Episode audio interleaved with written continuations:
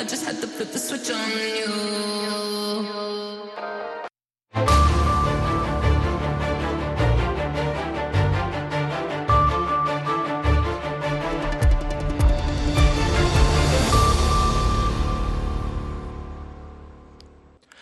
halkani waa washington laanta afka soomaaliga idaacadda v o a oo aad ka dhageysanaysaan mawjadaha gaagaaban efmida geeska afrika iyo caalamkao dhan oo aad nagala socotaan v o a somaly com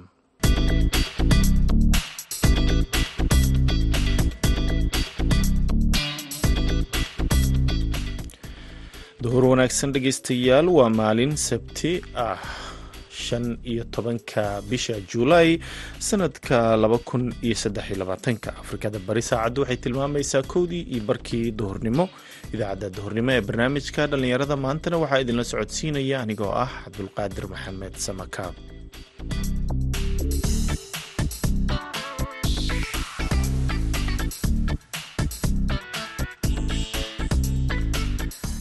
qodobada aad ku dhegeysan doontaan idaacaddeenna duhurnimo waxaa ka mid ah barnaamijkii madasha dhallinyarada oo aan ku eegeyno dhallinyarada toddobaadkan. Marka ama xirfadaha dhallinyarada u furan ee ay ku shaqaysan karaan noloshoodana ay ku dabari karaan. Marka waxaan taageersanahay fikraddaas in dhallinyaradu ay samaystaan xirfado koo kooban. Waa badan yihiin macaahidda iyo kolleejyada bixiya xirfadaha lagu shaqaysto ee skiliska loo yaqaano dhallinyaradana waxaan ku dhiirigelin lahaa inay samaystaan xirfadahaas ku shaqaystaan. Ciyaarihii iyo kaalmihii heesaha ayaad sidoo kale ku maqli doontaan balse intaasoo dhan waxaa ka horreeya warkii dunida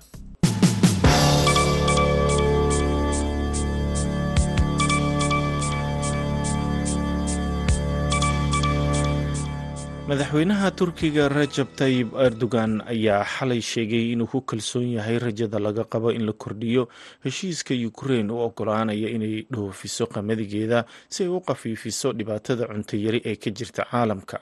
Erdogan oo isku diyaarinaya in dalkiisa uu bisha agost ku soo dhoweeyo madaxweynaha ruushka ayaa wariyaasha u sheegay in isaga iyo putin ay ku heshiiyeen isaga iyo valadimir putin ay ku heshiiyeen in la dheereeyo heshiiska badar dhoofinta ee badda madow. Wuxuu intaa ku daray in valadimir putin uu kala hadlay heshiiska muhiimka ah kaasoo wakhtigiisa uu ku egyahay isniinta soo socota oo uu dhacayo inkastoo uusan sheegin xilliga wadahadalka uu dhacay. Aqalka kremlinka ee looga taliyo ruushka ma bixinin wax hadal ah oo arrinkan ku saabsan heshiiska badar dhoofinta ee badda madow ayaa markii ugu horreysay la siixay bishii juulaay ee sannadkii laba kun iyo labaiyo labaatankii oo ku beegnayd shan bilood kadib markii ruushka uu weeraray ukrein waxaana dib loo cusboonaysiiyey laba jeer. Laakiin markan putin ayaa dhowr jeer ku hanjabay inuusan cusboonaysiin doonin heshiiska isagoo sabab uga dhigaya caqabadaha ka haysta dhoofinta badeecadihiisa jimcadii shalay xogayaha arrimaha dibadda ee mareykanka antony blinkan oo ka hadlay magaalada jakarta ee dalka indonesiya halkaasoo uu ka socday shir madaxeedka waddamada ku bahoobay ururka koonfur bari asia ayaa ugu baaqay moscow inay kordhiso heshiiska isaga oo ka digay in waddamada nugul ee saboolka ay dhibaato kala kulmi doonaan heshiis la'aanta dhoofinta qamadiga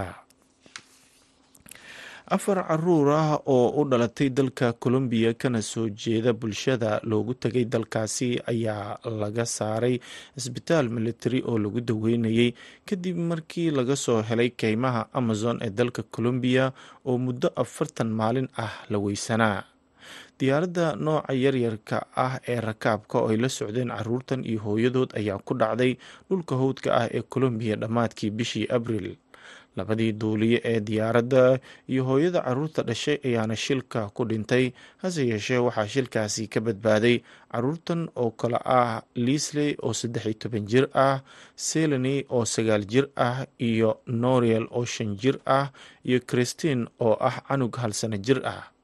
Muddada afartanka maalin ee lagu la-aa keymaha ayaa waxa ay ku badbaadeen ama ay ka badbaadeen gaajada iyo haraadka qabowga cayayaanka iyo xayawaanada halista ah.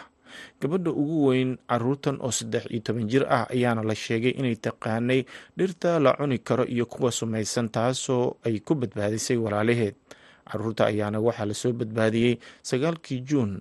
Dowladda colombiya ayaana jimcadii shalay xaqiijisay in carruurta isbitaalka laga bixiyey khamiistii iyagoo badqaba dhegeystayaal warkeennii dunidana waa nageynta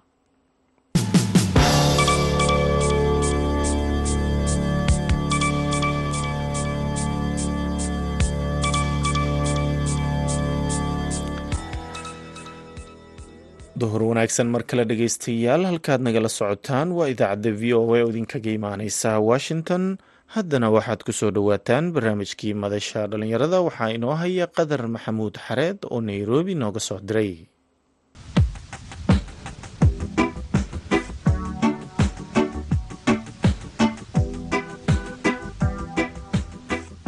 kulanti wacan oo wanaagsan dhegaystayaal. Kusoo dhowaada barnaamijka madasha dhallinyarada v o a oo toddobaadkan idinkaga imaanaya magaalada nairobi. Barnaamijka oo ay marti ugu yihiin maxamed xirsi oo ah nin aqoon-yahan dhallinyaro ah oo ku shaqaysta aaladda digital online-ka iyo maxamed cali xabad oo isaguna ka mid a dhallinyarada ganacsiga ku haysta magaalada nairobi gaar ahaanna suuqa islii waxaynu ku falaqayn doonnaa sidee ayay dhallinyaradu ay ku abuuran karaan hal abuur xirfad shaqo oo ay ku shaqaysan karaan oo ay noloshooda iyo midda qoysaskooda ay ku maareen karaan.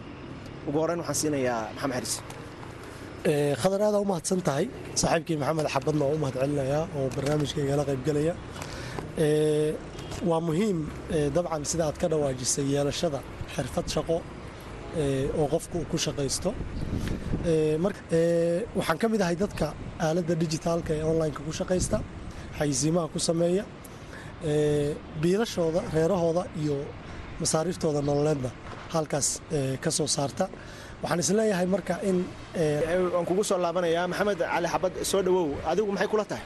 Qadar waa ku salaamaya saaxib adiga iyo saaxiibkay maxamed labadiinaba dabcan waa arrin fiican. Waxaan filayaa dhallinyartu waayadan dambe waxay noqotay waxaa loo kala go'ay laba shay. Kow horta wuxuu noqday xirfadda koowaad in wax la barto. Laakiin wax lagu lamaalayaa lalayahay wixii lagu lamaanaynayay keliya soomaalida dhallinyartii waxay ka noqotay waxbarashadii in xafiis dawlada shaqo laga helo ama in la tahriibo keli ah fursado kaleeto inay jiraanba dadkii waxay waa la ilowsan yahay waxbarashada runtii mar walba way fiican tahay mar hore iyo mar dambeba laakiin mar walba waxaa habboon qofka inuu skills ku shaqaysto oo weliba maskaxda ka soo maaxanaya uu leeyahay. Waxyaabo kaleeto uu kabi kara. Maalan waa dhexdaas waxaan arkayay nin mandheera joogo jaamica ah oo inta wax bartay xafiisadii si uu shaqo uga waayey kadibna meel shaha furtay oo runtii idaacada ay waraysanayaan hadda waxay uga maqan laha in maamulkii ay shaqo siiyeen ninka asagaa dabcan sax weeye in shaqa la siiya laakiin waxaan aaminsanahay inay ka habboonaan lahayd in maanta xafiisku uu kaloo shaqaalo u noqdo in shaqadiisii sheehaas iyo waxaa la mid ah lagu dhiirigeliyo oo wix la siin lahaa lagula kaalmeeya ka fiicnaan lahayd. Runtii qofka in mar walba xirfad way fiican tahay. Dhallinyartuna hadda dadaalkaasi waxaad moodaa in hadda aan loo soo jeedin oo in dambe qaabo badan baa loo shaqaysan karaa runtii in banaanka aad alaab dhigato. Hadda maala nairobi baan joognaa inaad banaanka alaab dhigataad heli kartaa. Inaad meelo yararoo maqaayado yararaa jira iska lacag raqiisa oo waxa badan aan kaga baahnayn in laga furtaa la awooda. In qofku uu xirfado kaleeta aqoomo kaleeta uu leeyahay ama gacanta ha noqoto maalan dharka la tolayo kaleeto ha noqoto ama ha noqoto sida hadda walaalkay uu ku shaqaysto ka digital kale ha noqoto ama darawalnimo ha noqoto waxyaaba badan oo kaleeto wax lagu kabi kara way jirtaa. Marka wax walba waxaan leeyahay dhalinyartu waxaa ka habboon in wax la barto waxaa habboon in lagu kabo maskax ah sidii wax loo soo saar lahaa. Waayahay bal adiga iyo sida aad u soo bilowday ganacsigan hadda islii aad ka shaqayso xirfadaada iyo halka aad ka soo bilowday iyo waxa kugu dhiirigeliyey dabcan dhiirigelintu waxay ahayd un mar de waad garanaysaa nairobi ma ahan nin walba soomaalida meeshan waa la wada imaaday. Marka la yimaadana waad ogtahay shaqaalaa la noqonayaa markaad shaqaal noqotay runtii ragga qaar markay caqabado badan kala kulmaan shaqaalnimadii iyo dhaqankeedii ay la qabsan waayaan baa waxaa ku soo maaxataa go'aan ah inay qaataan in ay wax soo saar samaystaan iyagii ay waxooda xamaashaan oo wax soo saartaan oo ay ganacsiya waxa ku fikiraan. Marka anigana runtii halkaas dadka soo maray soo jabay shaqaalnimo ka bilaabay marka dambena ka gudbay oo maskaxdiisa hadda maarata ku fikiraan noqday. Dad badanna runtii way la qabaan arrintaas laakiin weli waa yar majoritiga dhalinyarta uma soo jeedaan weli inay iyaga gacantooda wax ku saartaan. Waxay ka jecel yihiin inay xafiiso ka shaqeeyaan dukaamo ka shaqeeyaan ama dowladdii shaqo loo raadsado iyo waxyaaba ceenkaas iyo marka ugu dambeyso ah tahriib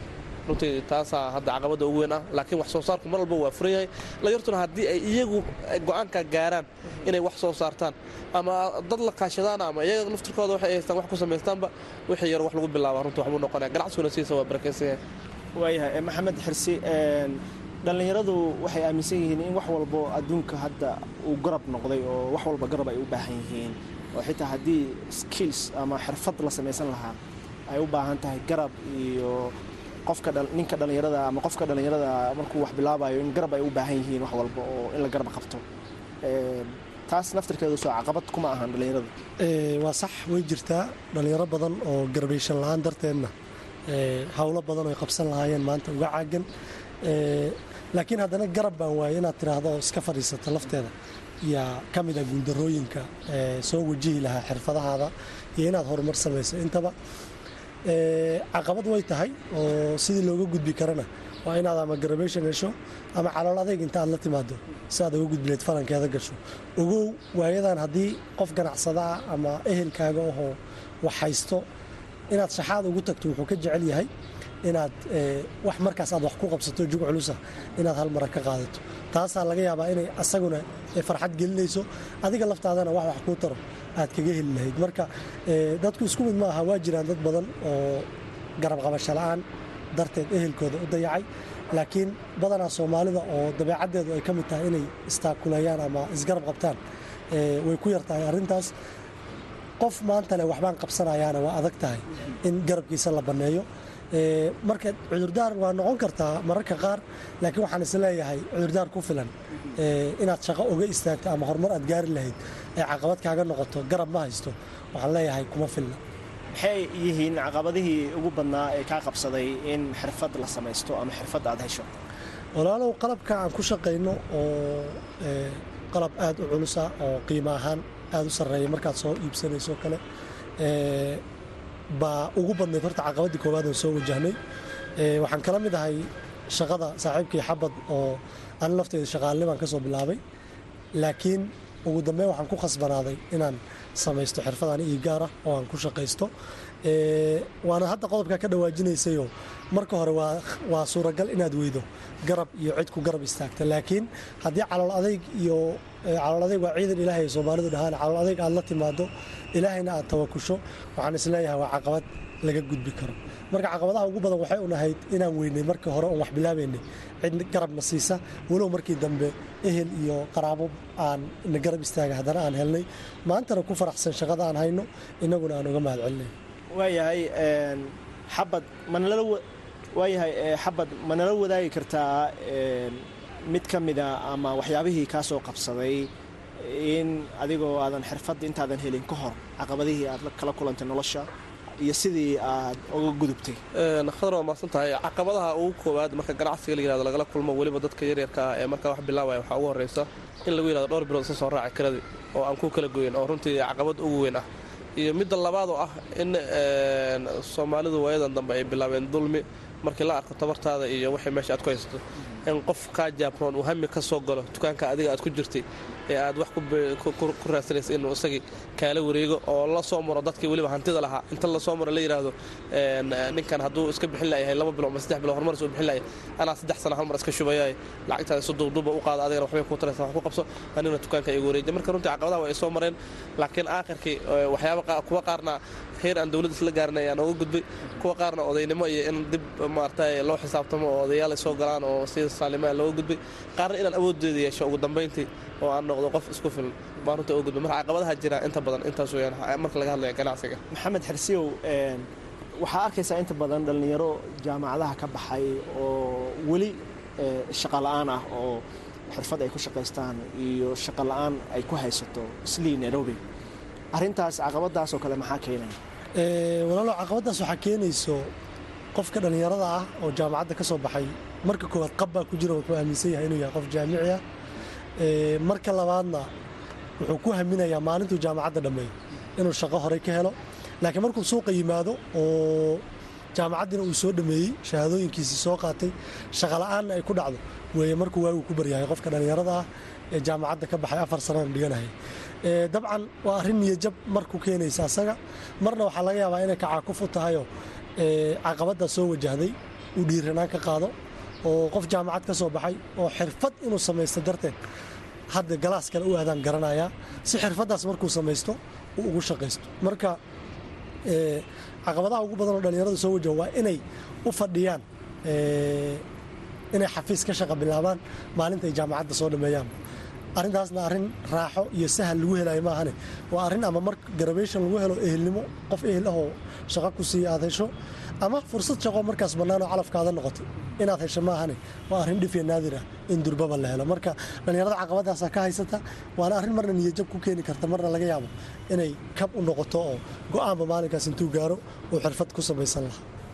Maxamed xabad adigu weli dhallinyaro mala kulantay wajahaya caqabadihii aad ka soo gudubtay markii aad noloshan ku jirtay ama ganacsiga xirfaddan aad bilaabaysay oo talooyin ama aad kala hadashay ma jiraan?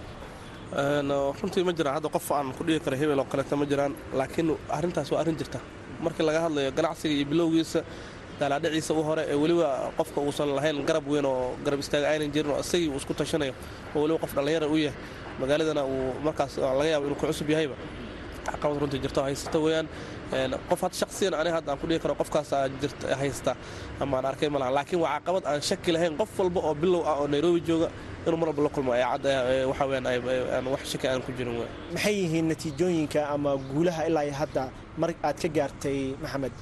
Markii laga soo bilaabo markii aad xirfaddan samaysatay khadaro mahadsanid waxaa waaye natiijooyinku waa badan yihiin.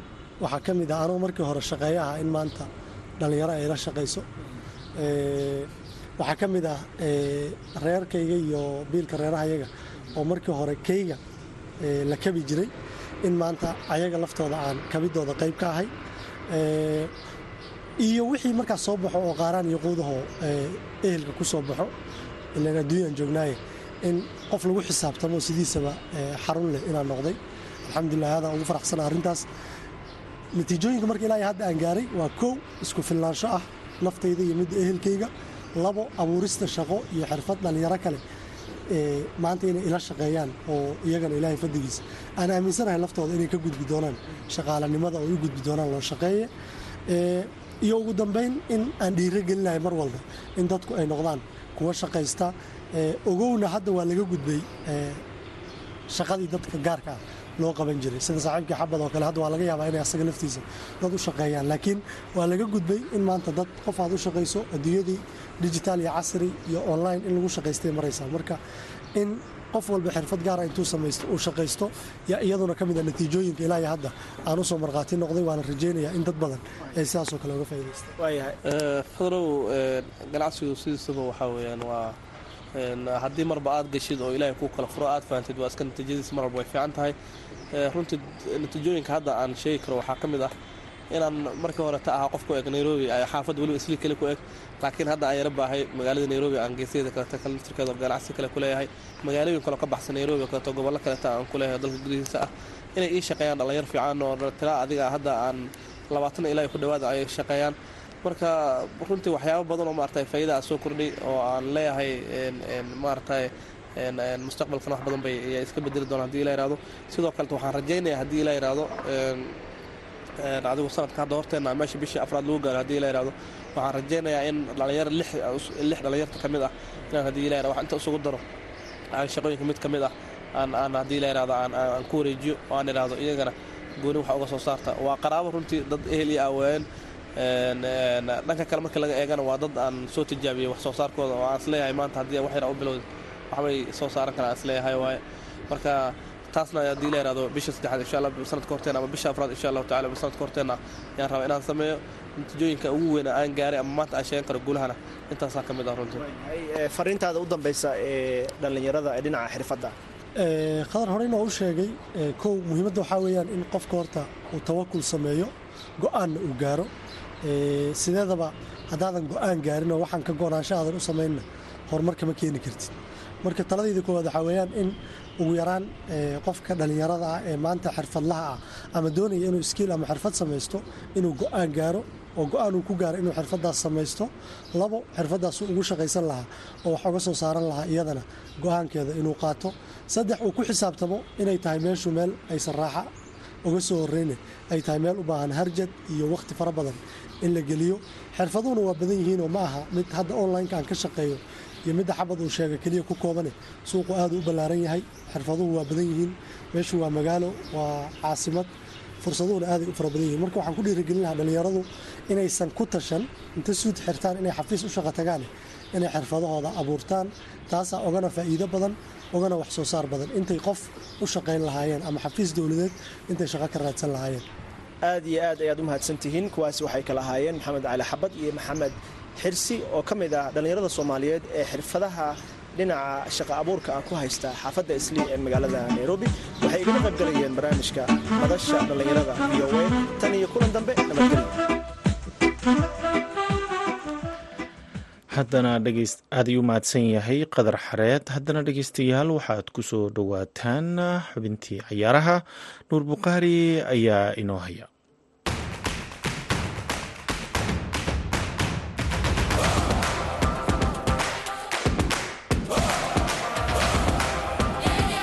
Kulanti wanaagsan dhegeystiina ku soo dhowaada xubinta ciyaaraha ee idaacaddeenna. Kooxaha waaweyn ee yurub gaar ahaan kuwa premier league ingiriiska ayaa isu diyaarinaya xilli ciyaareedka cusub ee furmi doona bisha soo socota ee agos qaarkood ayaa soo iibsanaya ciyaartooy halka kooxaha qaarna ay iska iibinayaan ciyaartooydii horey ugu joogay. Waxaa kooxahaasi ugu cadcad kooxda chelsea. Chelsea oo ka dhisan magaalada london ayaa iska dirtay dhowr laacib. Waxaa la socday oo isha ku hayay wariyaha v o eda cabdulqaadir samakaab oo hadda khadka ku jira isaga oo jooga gobolka virginia. Samakaab waa mahadsan tahay chelsea ciyaartooy fara badan ayay iibinaysaa. Welina waxaa laga yaabaa qaar in ay ka sii tagaan. Maxaa ugu wacan? Waa mahadsan tahay nuur. Kooxdan chelsea dhibaato ay wajahaysay sanad iyo barkii u dambeeyey. Waxaana ka mid ah weliba waxay eersanayaan tan iyo intii uu bilowday duulaankii ruushka uu ku qaaday ukraine milkiilihii hore ee kooxdan roman abramovich kooxda waa laga wareejiyey waa la iibiyey milkiile cusub ayaa gatay. Qaar ka mid a ciyaartooydoodii ugu muhiimsanaa ayaa wixii markaas ka dambeeyey ka tegayey haddii aan fiirino xilli ciyaareedkii hore waxaa ka tegay rodiger oo difaacoodii hore ahaa. Sidoo kale laakiin dhibaatada ugu weyn waxay wajaheen xilli ciyaareedka hadda dhammaaday waxaana markaasi ay ka tegey shan ka mid ah xidigahooda ugu muhiimsan georginho oo ah maaragtay ciyaartooydooda ugu muhiimsan ka mid ahaa wuxuu ku biiray arsenal bishii january ee sanadkan laakiin bisha june iyo bisha may ayay waxay noqotay kooxda mid fasaxda afar ka mid ah xidigaheedii ugu wanaagsanaa sida mason mount oo ku biiray kooxda manchester united ciyaaryahanka kai havertis oo gooldhaliyahoodii ahaa saddexdii sano la soo dhaafay oo isagana ayaa ku biiray kooxda arsenal iyo covegeg oo ku biiray kooxda maaragtay manchester city. Iyo ingalo kante oo isagana si xor ah uga baxay oo tegey dalka sacuudiga. Marka kooxda safkii koobaad shan ka mida ayay fasaxday. Dadka ayaa isweydiinaya marka kooxdan halkay ku socotaa markii dhibaatada ay wajaheen dhowr tababare ay ceyriyeen kooxda oo isku soo laaban weysay jahwareer ayaa ku dhacay. Marka waxay qarash gareeyeen lacago fara badan marka waxay isleeyihiin lacagihii aad qarash garayseen wax ka soo celiya. Laakiin haddana safka ay isku soo baneeyeen ayaa u baahan inay markaasi soo buuxiyaan.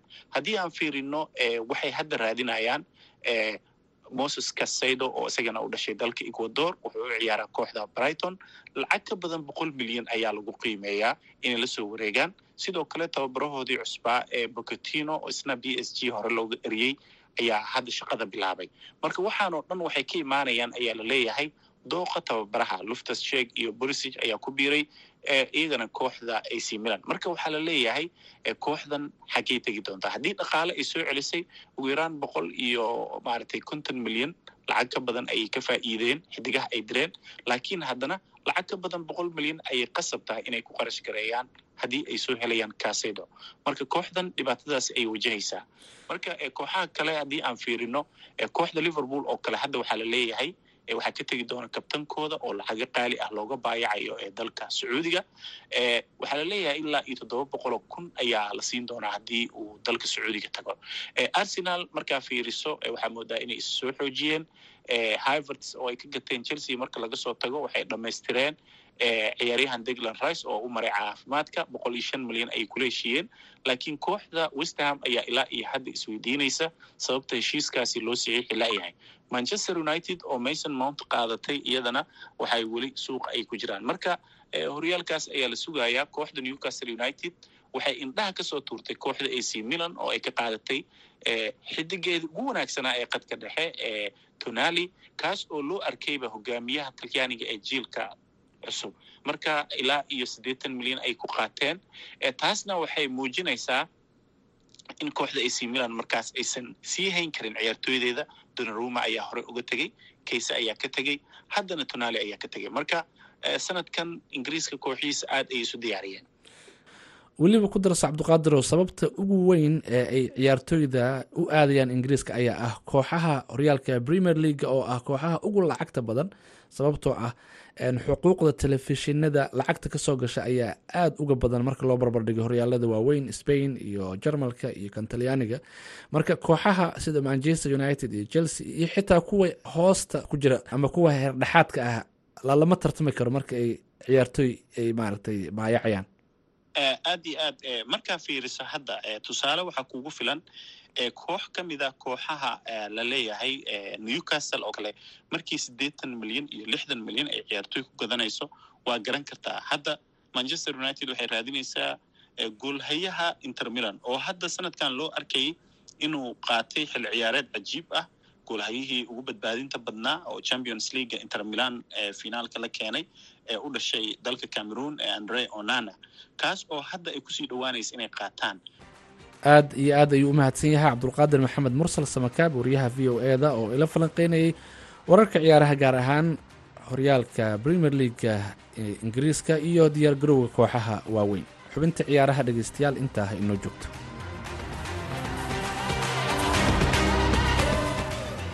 Aad ayuu u mahadsan yahay nuur bowqaari oo nala socodsiinayey wararkii ciyaaraha. Markana kaalmihii heesaha iyo mid ka mid ah heesaha ay ku luuqayso hiba nuura Thank you.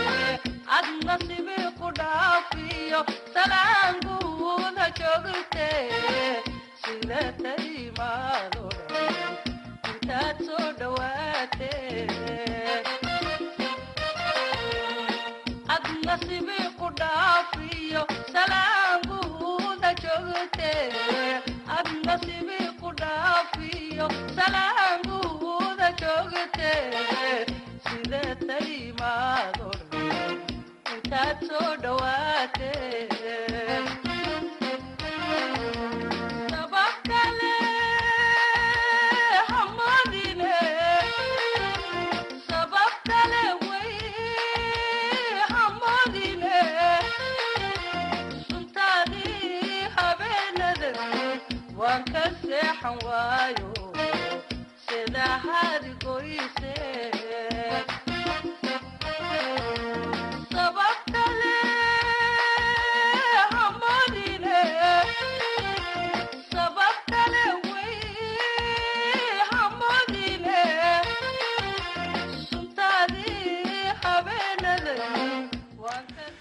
heestaasi ay ku luuqayso hiba nuure ayaa u dambeysay idaacaddeenii duhurnimo. Waxaa idinla socodsiinaya anigoo samakaab ah. Tan iyo idaacaddeenna galabnimo waxaannu idinkaga tegaynaa sidaa iyo nabadgelyo